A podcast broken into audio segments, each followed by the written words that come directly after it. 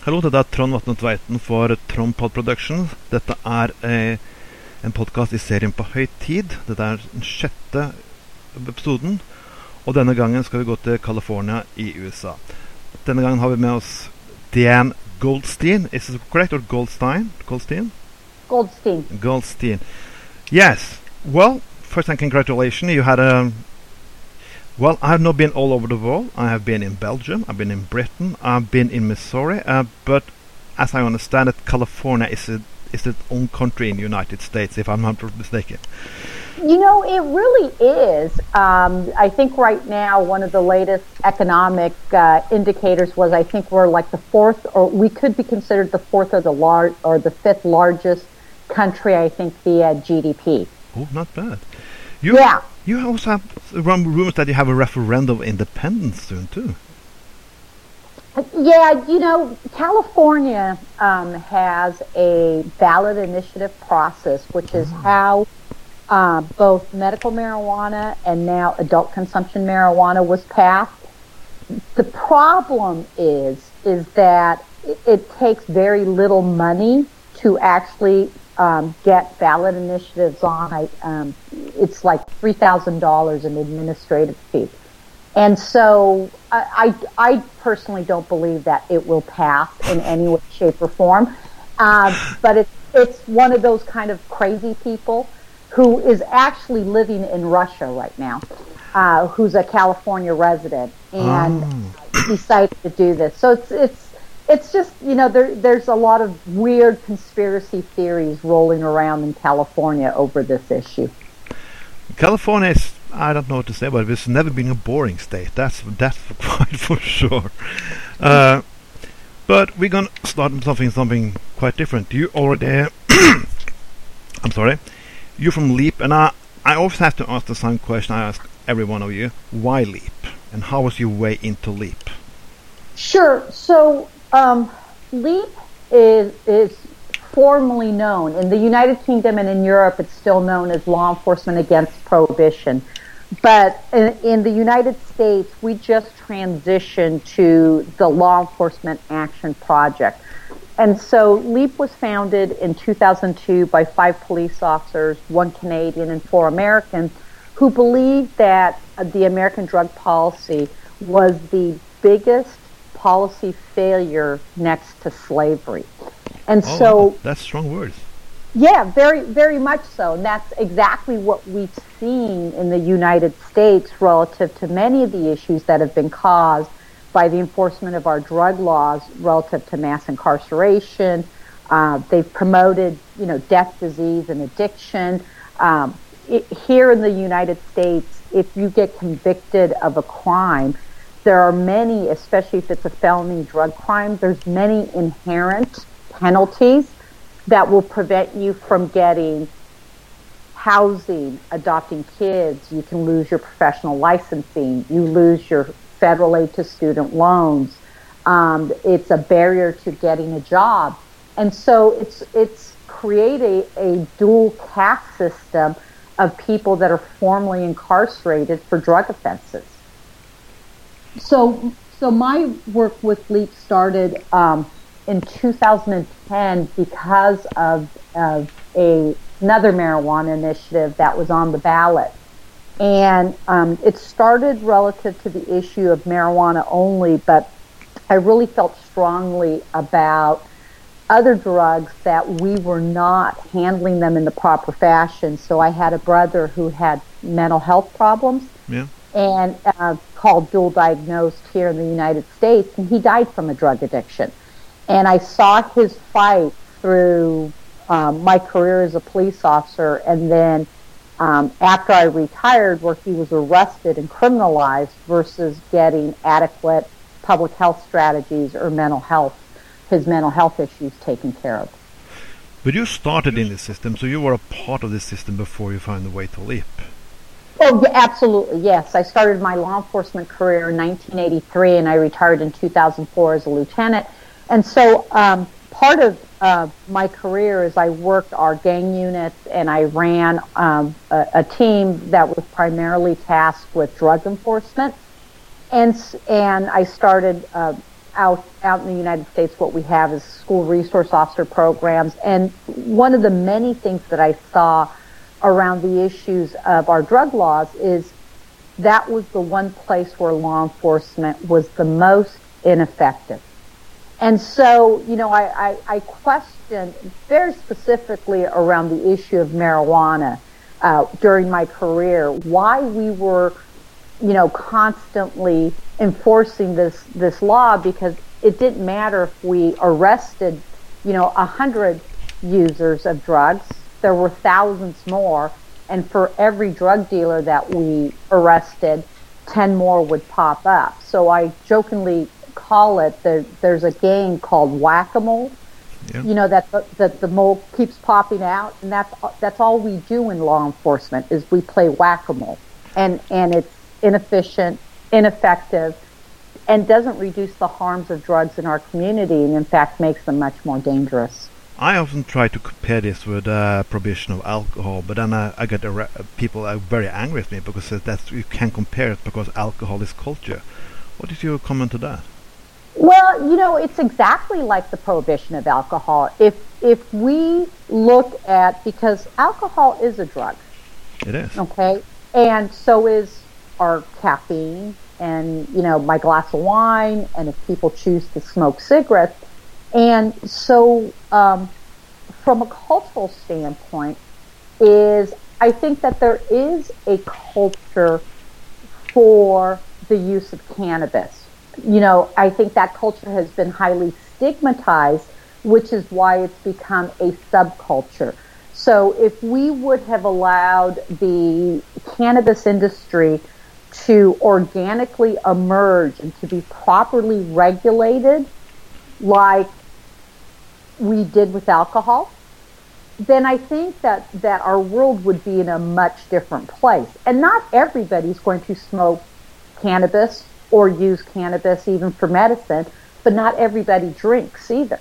No. And so, so the question is, is you know, we really have to start doing the, the assessment of the harms to our communities. And, you know, uh, I'm not saying cannabis use can't be harmful, but is the, the right tool being used to educate people to prevent, um, um, you know, the public health uh, issues that may potentially come out of it. And no, it's not. We're using the criminal justice system, and that's why it doesn't work.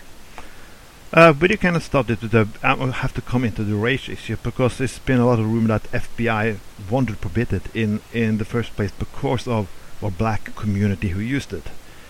And you also have reference from uh, Richard Nixon that he wanted to cut. He, this was try to stop some environment like peace protesters, hippies, and so on. Is that why it's still illegal? I think it's a combination of all that. And so, yes, you know, if we go back and you look at um, at least the drug laws in the United States, I, you know, I can't comment about Norway, but every reference that you see and historical reference in the congressional record, there's a, a, a great website called the Schaffer Library of Drugs. Yeah. And uh, they pulled out um, information from historical historical documents. And back during alcohol prohibition, when when um, marijuana uh, right past it um, in the 1930s with the Marijuana Tax Act, or during the 1914 with the Harrison Tax Act that dealt with the issues of, of opium and, and cocaine, is there's references to race, very specific, very specific that are completely racist in nature. Hmm. And then you're absolutely correct. Is is Richard Nixon used um, politics to gain political power, and he demonized the leftist anti-war movement. Um, so he tied in the culture of the um, uh, the hippies and the anti-Vietnam War movement with um, the civil rights movement, and ended up using his ideology in order to make all drugs illegal. And I and I think that's the difference is you know in the United States we look at drug use not from a health strategy, but from morality. We, we look at uh, drug use as individual failing instead of taking a step back and looking at maybe you know where where we have rampant drug use or problems. We have a huge heroin issue right now. Is yeah. what's the underlying factor that's driving it? And so, you know, we, we're still stuck very much in an ideological based drug war here. It's a gentler, kinder drug war. They don't use the terminology drug war anymore, but it's still, we're still doing the same things. But drugs can also be a medication, and I see you have like a lot of problem with OxyContin. It's like a painkiller you have in the United States, who is who's sold to people, and that's nearly heroin and that causes a heroin addiction. I see. So why don't yeah. you why don't you reg why is not the medical industry regulated more? well, yeah, you know, it, it's so interesting because um, one one of the unintended consequences of the overprescribing of OxyContin, and you know, that was very much so big pharma driven, is that the DEA and law enforcement try to crack down, and they did on what what we call pill mills out here. Yeah. But the unintended consequence of that was people who were truly chronic pain patients who needed the the pain management. Doctors started refusing to issue them their pain pills, and it drove a lot of uh, pain patients into the illicit market to use heroin. And so all we did with with the cracking down on the pill mills is we just displaced the drug use, which again is the issue of prohibition. Is, is that what they should have done and what they didn't do was crack down at the manufacturing level. Yeah. Instead, they try to crack down at the distribution level, and that never works. I just look back to the prison system because a lot of people you arrest for drug use and cannabis use are not criminals, and they were put now put into hard jails with hard cooked criminals. Can I say that prohibitions create more criminals really because it's like a university for criminals when you put them inside? Absolutely. There, there is no ifs, ands, or buts about it, and um, and not only you know, is that one of the consequences to public safety? But um, I think that the other issue is, from my perspective, especially working with kids and, and with gangs, is that we gave control over the drug market to people who don't have quality control standards, who um, are lacing their drugs with things that are dangerous to people. Uh, and and I've had cases where kids, you know, have gone to their marijuana dealer, but they were out of uh, uh, cannabis, and the local drug dealer sold them heroin or methamphetamine or cocaine or hmm. some other drug that was even more dangerous. And so, you know, it, it's you hear a lot of um, legislators and law enforcement talk about how marijuana is a gateway drug to other more harder substances, which is really scientifically incorrect. And so we like to say is prohibition is a gateway drug to more crime and to harder substances. It's not the drug itself. So I'm going to mention some examples here from Norway who, who shows how the hysteria is. We had one politician who was taken for uh, uh, 10 years ago by beating up a foreigner. He now is the minister, a minister in the government. Another politician who was buying a prostitute, he's also in the parliament. But we had also a, third one who was taken for cannabis use. Now his political career is destroyed. Wow. how is that hypocritical level of politics? Why is cannabis so much more on that level than any more other crime? I, I think it's because um, we stigmatize drug users. Yeah. And we tend to view uh, drug users as having moral deficiencies. that there's there that they lack some type of you know morality, which is why they use uh, uh, you know substances that the government doesn't approve, which is completely wrong and in error. You know, it, it's one of the things that that I tell people a lot when they ask me, you know, do I view uh, marijuana use is dangerous? And you know, I I say, you know, irresponsible use is dangerous. I don't want our kids to start smoking marijuana early, no different than, you know, having them start smoking cigarettes or drinking mm. too early um, without educating them. Uh, like engaging in risky behavior, sex, or driving a car too fast. I mean, you just don't hand a kid a key to the car and say, go drive it no. without training them and teaching them and talking to them about how to make themselves safe. And, and, and that's, I think, a big distinct part of the issue where we look at, like, you know, the one uh, politician who beat up a foreigner. It's like, well, you know, we make excuses for that behavior. You know, maybe he had been drinking, maybe he was provoked, maybe he had a bad day, and we tend to forgive that type of behavior, which is which is wrong. He was an asylum seeker on top of it, so that was the yeah, more. Yeah, yeah, you know, which is which is one of those issues, which is I think it's more morally reprehensible to engage in violence like that than it is to consume, you know, and smoke marijuana. It, it's it, yeah, it is. It's completely hypocritical, Sean. Yeah, because if if if Obama's been caught in in college, he will not be in president for eight years. Correct. Correct.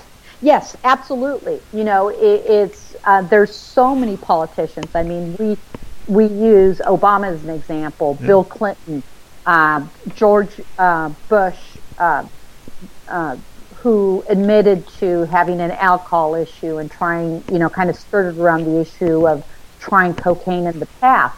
Is what separated them from everyday people is luck, economics, you know, is we, we tend to look at um, our communities out here and in suburban communities that are predominantly white, if, if someone's child gets caught with marijuana or with other drugs, they go to drug treatment. You know, in a in a uh, communities of color, they can't afford it. They can't afford to get an attorney. And so the you know um, socioeconomic issues, class, and race all play an issue in the disparities around our enforcement of our drug laws in the United States. I'm going to do a quote here from uh, former President Jimmy Carter. He, he used to say, I think this was a quote from the early 80s, penalties against prohibition of drugs should not be more damn is to be more damaging to an individual than the use the drug itself. Where they are, they should be ch be changed. Nowhere is more clear than the laws against prohibition of marijuana in private personal use. Therefore, I support legalis legalization of, uh, yeah, of amending federal law to stop this. And uh, this is from the 80s, and there was a process during the Carter years of trying to decriminalize the use of cannabis. So what happened? Um, well, I think part of the issue with, with Jimmy Carter was politics got in the way. Uh, because as you recall, I think someone who worked for, for Jimmy Carter ended up getting caught um, at a New Year's Eve party with oh. people from NORML um, using cocaine. And that ended up coming out. And so, again, there was there's political pushback that prevented Jimmy Carter from pushing further into changing. Because it changed again a lot in the Reagan years, because had that war on drugs. It's been he started to escalate it even more. More money to the police, more money to the CIA, and so on. So, what what happened there? It was like a big, big, big jump in the wrong direction. Yeah, oh, absolutely, and and you know, and it wasn't just Reagan. I mean, it, it's it, President Obama was the the first president in quite a long time to actually start rolling back the law, which I think is the concern about the policies of our new administration, because there they're very much talking like Ronald Reagan did and like Richard Nixon did. You know, is so it's going to be um, uh, a lot of the reforms that we've made. Nobody here in the United States who's working in drug policy is taking any of the gains that we've made for granted, because honestly, is our drug policy here is schizophrenic. It has nothing to do with science or you know actually doing assessments of policy and what works and it has everything to do with politics and power it's also said that the the alcohol industry the the private prison industry who you have in the United States is very far fetched from Norwegian reality, uh, giving money to the campaign campaigns uh, to politicians yes. are against. Is that true? Yes, it is very much true. So we have um, and I don't know how it is in Norway, but we have um, a lot of political activity um, that occurs for and against um, the use of, of cannabis. So, for example, is it cost I think 15 or 16 million dollars to successfully run our cannabis campaign in California this last year, and I did a lot of work uh, on uh, with the campaign. I was yeah. a spokesperson um, and we use private money. Well, people who were against it were law enforcement groups that use taxpayer direct and indirect funded dollars to to support the no campaign. There in other states, um, the alcohol industry, I believe in Massachusetts, donated uh, a ton of money, as did the Catholic Church to the no campaign. Catholic Church the Catholic Church in Boston.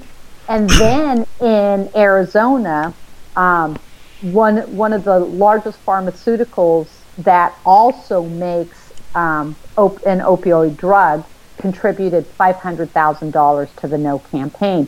And so the only state that we did not win this year was Arizona, and it's because the campaign there just did not have enough money.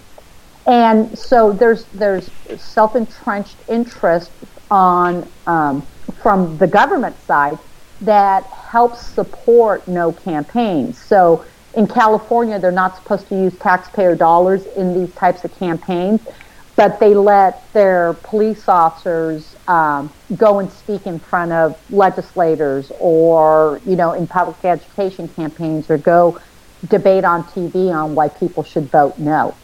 And so it's it's really become about um, leveraging uh, money in the right way and doing a campaign that reaches out not just to you know the cannabis consumer or the industry, but has to cross over to you know the soccer moms in California is what we always talked about, and uh, we had to convince them that the control and regulation of the cannabis industry would benefit the community by enhancing public safety and reducing the illicit market and putting monies into programs that would educate our kids.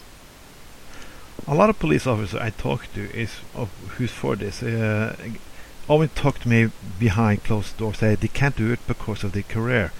Is that the same thing in the United States that people are for this but don't dare to go forward? I thought, yes, yeah. very much so. Yeah, and, and you know, it's really interesting, but it also depends on what country. So we have a, a, a law enforcement against prohibition branch in Brazil. Yeah. And the and the Brazil branch is made up of primarily active duty criminal justice professionals. They have mm. judges and uh, people from the military and law enforcement that all work together and still do their job. So it depends on the country. Yeah, because in Norway it's uh, it's the end of your career. Really, you get fired. yeah, yeah, yeah, mm. and that, and you know what? And that has happened here in the United States oh. as well, where people, in fact, have um, gotten fired for speaking out uh, in the past. They've also managed to get their jobs back, but it's been very difficult. But that, uh, so it's no freedom of speech in this issue, really. On, no. So people can usually lose jobs. If you're not a if you're not a Californian Hollywood actor, you can definitely lose your job speaking out. Yes, and it depends, and depends what industry. And you know, the other issue here in the United States, I don't know if you guys do a lot of drug testing back in Norway, but because of our federal government that that has developed these federal guidelines on all employers must maintain if they get federal funding, must maintain drug-free working environments. And so you can live in a state where the use of medical marijuana or adult uh, consumption is perfectly legal, but if your company drug tests, even though you're not impaired at work, you can get fired. Even, but it, but if you drink alcohol, it's okay. But if you use the other drug, it's legal. Eh, yeah. Yeah, you can lose, yeah. lose your job. Yeah. Yeah, and, and you know, from a from a law enforcement perspective, for example, is like you know, with alcohol, if you showed up to work smelling like alcohol, you would get in trouble. But it's different with marijuana is that you don't even have to show up to work impaired. It, you could be subject to a random drug test for for no reason, and I think that's part of the issue and the problem as well. And those are things that I think are going to change in the future, is because you have organizations such as NORML I, yeah. is I, I, think NORML in the United States this year that's going to be one of their big campaigns is to start addressing employee rights, right? employer yeah. rights. Where's the where's the unions on that issue? Ah, uh, it depends. You know, is is um, so law enforcement unions are very strong and they're able to negotiate if in fact random drug tests are conducted. But other unions are not necessarily as strong, but other unions oppose random drug testing unless there's impairment as well. I read uh, that death numbers because of the war on drugs in Mexico was over 10,000, or even higher than that, in the last 10 years. It's over 100,000. Over 100,000? Yeah. If over 100,000 people died in a terror attack, we would be alarmed right away. Why not be alarmed that 100,000 people die in a war on drugs? Um, I think, again, is because of um, politics in the United States. So, quite a few years ago, I think about four years ago, is the former head of the Drug Enforcement Agency, Michele Leonhart, made a comment that shows, um, I think, how horrific that we look at this the the war on drugs is she said that the carnage and the increasing deaths and it's not an exact quote mm-hmm. um, but that the the the huge number of deaths in Mexico amongst the cartels uh, who were trying you know to gain power because of the vacuum was a sign of success and a sign of success when 100,000 people died? It, pretty much, yeah. And so it was, you know, is Sorry, I'm again, a bit freaked out right now, but yeah, well, but, but yes, it's you know, it was it was a terrible, terrible quote, and, and she got taken to task for it. But I think that there are many politicians who still, you know, believe that the only way to, you know, do this is is through criminalization and this drug war mentality instead of recognizing that our drug laws should be based on human rights. I mean, look at what's going on in the Philippines right now with Duterte. Yeah. That's horrible. And even your, your, I don't like to call Donald Trump a president, but he, he also said that he supported Duterte in that issue. Uh, yeah, yeah. It's it, it, was horrific. I was at the United Nations last year, yeah. and uh, for UNGA, and um, sitting in the audience listening to, you know, the pre-scripted. Uh, this is, you know, we're moving to the gentler kind of drug war, but to listen to countries like Singapore and Malaysia, basically make comments that look you know, um, we're our own sovereign nation, and if the United States wants to legalize marijuana, that's great. But if we want to execute people, that's our right, and that that there's there is no moral equivalency between killing people and allowing people to use marijuana. Wow. Wow. That that that reminds me of the quotes I get in Norway sometimes when people say that yeah, we have to we have to put people in jail for drug use because that in solidarity with the families who have lost somebody. Yeah. That is a it's an actual quote from people who are working against prohibition in Norway. Uh, uh, Yeah. working for pro, still keeping the same laws. I mean, sorry, my English is not very good. But no, no, no. Your your English is actually very good. No, you know it, it's. Um, I hear that all the time when I I do work because I think one of the things is, um, if you look at the number of United States police officers that have been killed, going back the last 50 years, a notable amount of them have been killed in the enforcement of our drug laws. And so, you know, this is this is a war, and how many more families are we going to ruin on all sides? Yeah. You know, it is. You know, should we not be engaged in looking at policies that protect the public and the police? Oh, um, but the, the cost of this war, yeah, the cost of this war, uh, how much do you use each year this prohibition? Because this is a lot of resources you use, and how could it be used differently? Well, so I just did a presentation this weekend, and I was given, um, you know, a, a slide that showed, I think, going, you know, we're way into over a trillion and a half dollars. You, That we have me, you said a trillion dollars?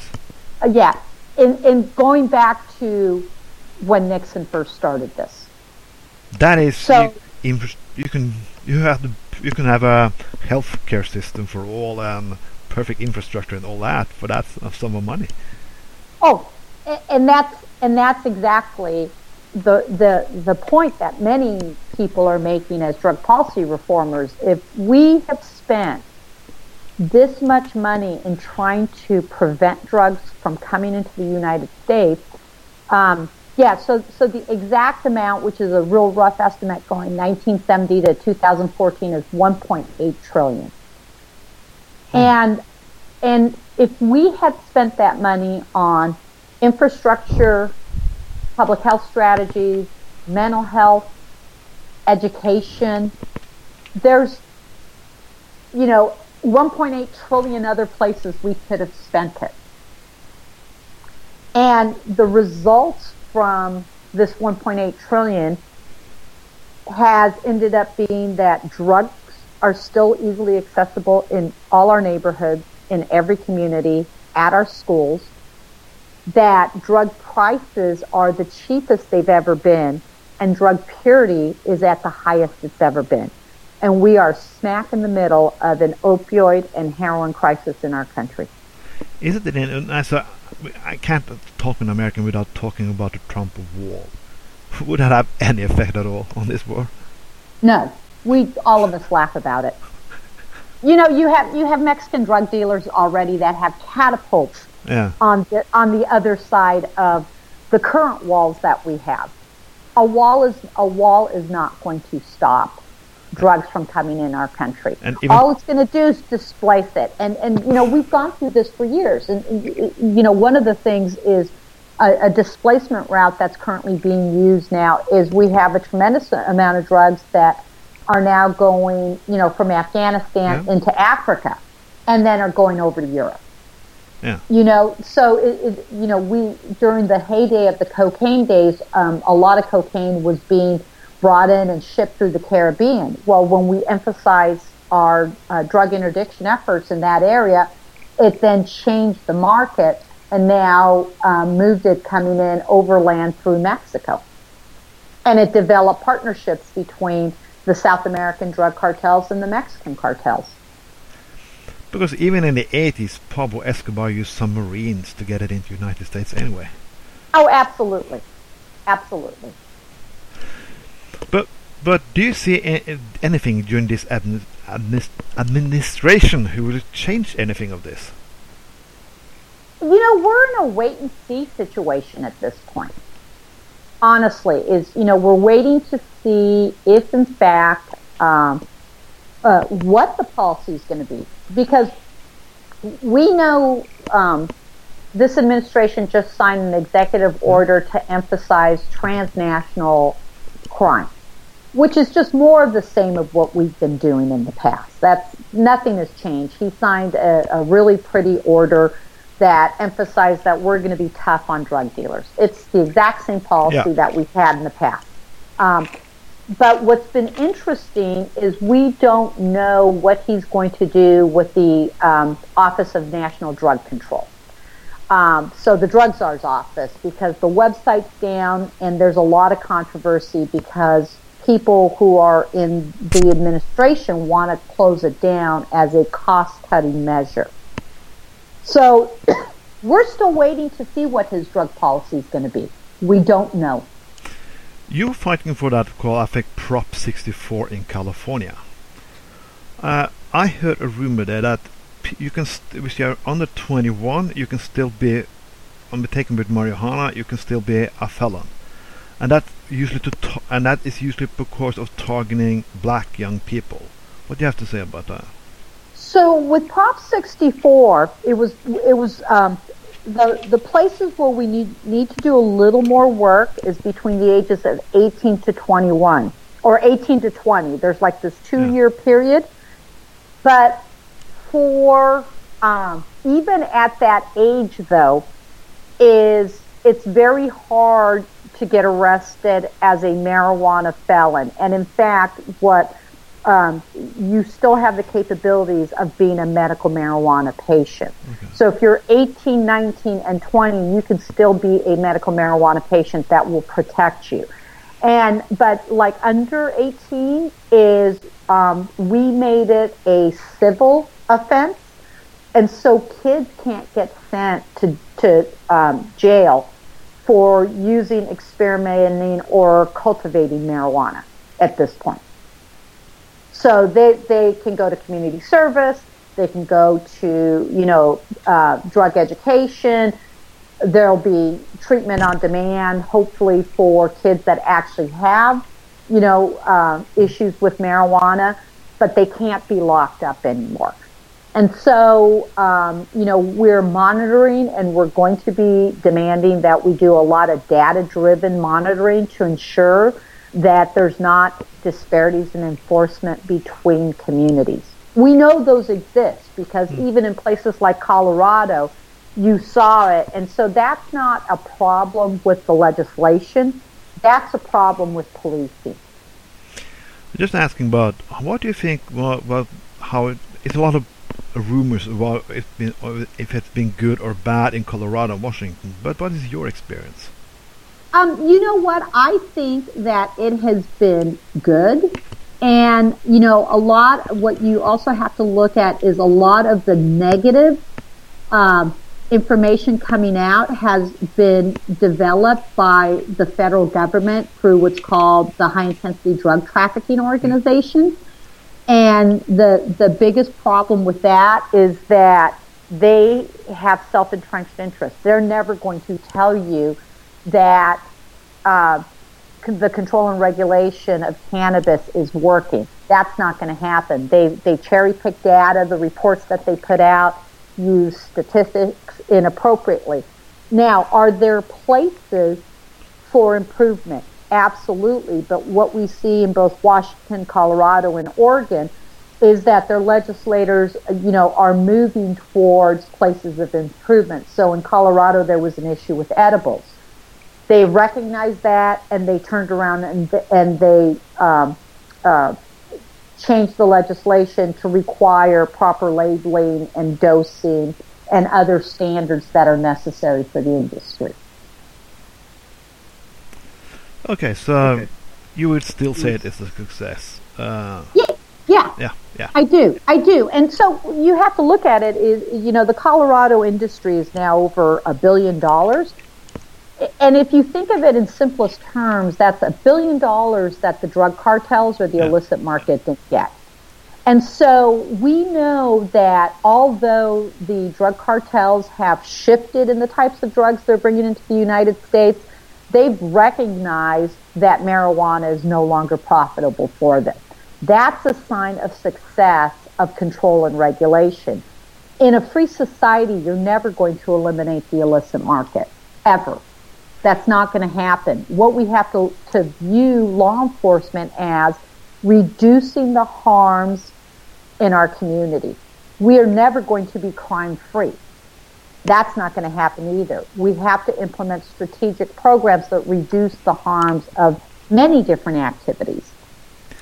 As statistics saw from Oslo in Norway, what they haven't time to follow cases of sexual abuse and so on because they had so much to do with drug policy. Is that absolutely? Yes, same thing. So yes, and and so you know, in in the United States, our federal government um, gives monetary incentives through grant money to local and state law enforcement to work on drug cases, but they don't do it for other types of crime. So, uh, domestic violence in homes are taken less seriously than uh, two guys sitting smoking marijuana and playing a PlayStation. Yeah, well, you know what? It's interesting. I think for, we, from from a domestic violence standpoint, we've probably evolved more because we have some pretty stringent domestic violence laws in California. Yeah. But um, you know, so for example, um, one of the things that happened in the last couple years, when you talk about sex um, uh, cases, is um, we had a issue with many of our uh, law enforcement agencies that had rape kits uh, that were in their evidence lockers that had never been tested.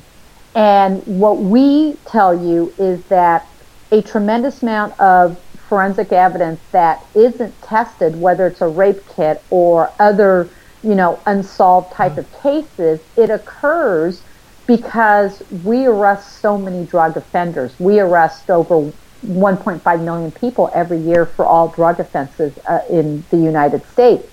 And every time you arrest someone for drugs, the drugs have to be sent to the lab to get tested. Yeah. And it's, again, it's inefficient, cost effective, waste of money. But how do you see yourself regulating drugs in the future?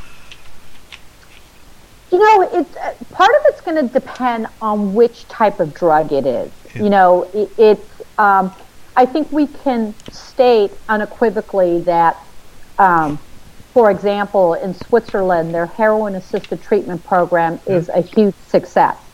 And so, you know, they have not legalized uh, heroin, but they have made it a matter of public health. And because they've made it a matter of public health, they have dramatically decreased um, death, disease, and addiction rates that have revolved around it. But better yet, have also decreased crime because people are no longer having to steal in order to deal with their heroin issue. You know, so I think that in the United States, because we're such a large country, that you're going to see every state develop their own policies around the issues of drugs if we can get the federal government out of it. Because our drug problem in California is different than New York or in Florida. But we should not have the federal government dictating to us what drugs are legal or not. You know, there's many drugs on our, our on what's called the Schedule One uh, Controlled Substance Act list that include heroin and LSD and other psychedelics that that that we know, to, including marijuana, that we know today can be used for other medical purposes. And so it, it's there's a growing uh, body of research on the issue of psychedelics to treat um, PTSD and depression and other trauma. And so I, I think if we allowed more research into all drugs, not just marijuana, we would be able to um, demystify all the myths that surround so many of these drugs. And, and again, I think we can point to the fact that it's drug prohibition that has made all these drugs worse. Right now, we're having a huge issue, and I don't know if, if you guys are with fentanyl and heroin combinations because of the uh, the um, heroin problem in the United States and in Canada is um, Chinese fentanyl is being imported and it's being cut into heroin, and the fentanyl is incredibly deadly. That's what's really spiking and fueling all the overdose deaths. So, wow. Now we we have a big yeah Norway has the big problem with overdoses in Europe. Uh, if you see technology done, but what do you think about countries like Portugal and the Netherlands and so on? It, are they also doing the right things in Europe? Oh yes, absolutely. and you know, in, in Switzerland, Canada is yeah. moving in that direction. Is um, as a start because I think that the only problem with with Portugal and some of the other countries is that the distribution of drugs is still illegal, and so there's still a lot of violence that's associated with the illicit market. But from a public health perspective, is you know uh, the Netherlands, um, Portugal have done a tremendous job of segmenting the um, the soft drug user from the yeah. hard drug user, um, as well as changing the overdose rates, you know, impacting crime by simply decriminalizing all drugs. Just a question: What what would you say to Norwegian police who is, who is wondering what to do now? Because your organization definitely need to increase, get more members, and so on. What would you say to the Norwegian police who wanna who wanna address this issue? Yeah, I, you know, I, I think that the issue is um, that law enforcement has been stuck in a paradigm of of groupthink. We rather than looking at okay, we've tried this criminalization of drug problems and drug use for 50 years, and it hasn't worked. We need to take a step back and look outside of our culture, our you know our our, our policing culture, and look for other innovative technology or policy or science or research that shows that there may be a better way to tackle drug use. And to recognize in a free society that you're never going to be able to limit people who want to um, experiment with their consciousness. We've been doing that dating back to, I would even say Adam and Eve. I mean, you can look yeah. at the analogy of the apple and whatever that apple is supposed to represent, whether it's knowledge or whether it was drugs, it was about prohibition. Yeah. But another question, like a lot of parents in Norway, when I address this with my organization, they always like very concerned. You you want to create drug users out here, and we are very we can we are very we we try to protect our kids against people like you. What do you have to say to them? Well, I, I think is you're not promoting drug use. Mm. You're recognizing that the drug use is already there. And that's not going to change. What you're trying to change is how we deal with it. Because I, th- and, and I think we can all agree that teenagers shouldn't use drugs. They, you know, for the most part, they shouldn't drink alcohol. They shouldn't use cigarettes they shouldn't engage in risky behavior. Um, and it's, it's our jobs as parents to educate them on how to delay um, the decision to engage in risky behavior. Yeah.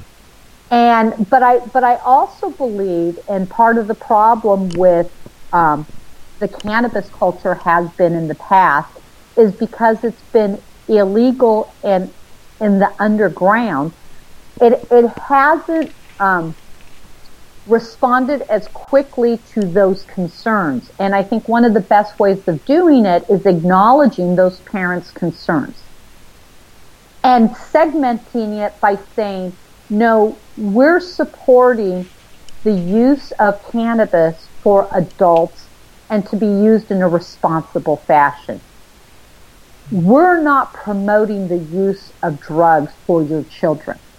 And then you place it, there are things that kids can do that adults don't do. And that's always been the case in our society. Uh, yeah, the last question I will give you the possibility to, to plug something of your projects and so on and recommend site people can go to if you if you if you like. Sure. So um, you can still find us at our old website that directs us to the new website. So you can still use www.leap.cc, but you can find us on uh, the web at lawenforcementaction.org. And um, we're doing a tremendous amount of different projects, both in the uh, United States and over in Europe. Uh, we're trying to recruit more uh, police officers on the national and the international level and other criminal justice professionals.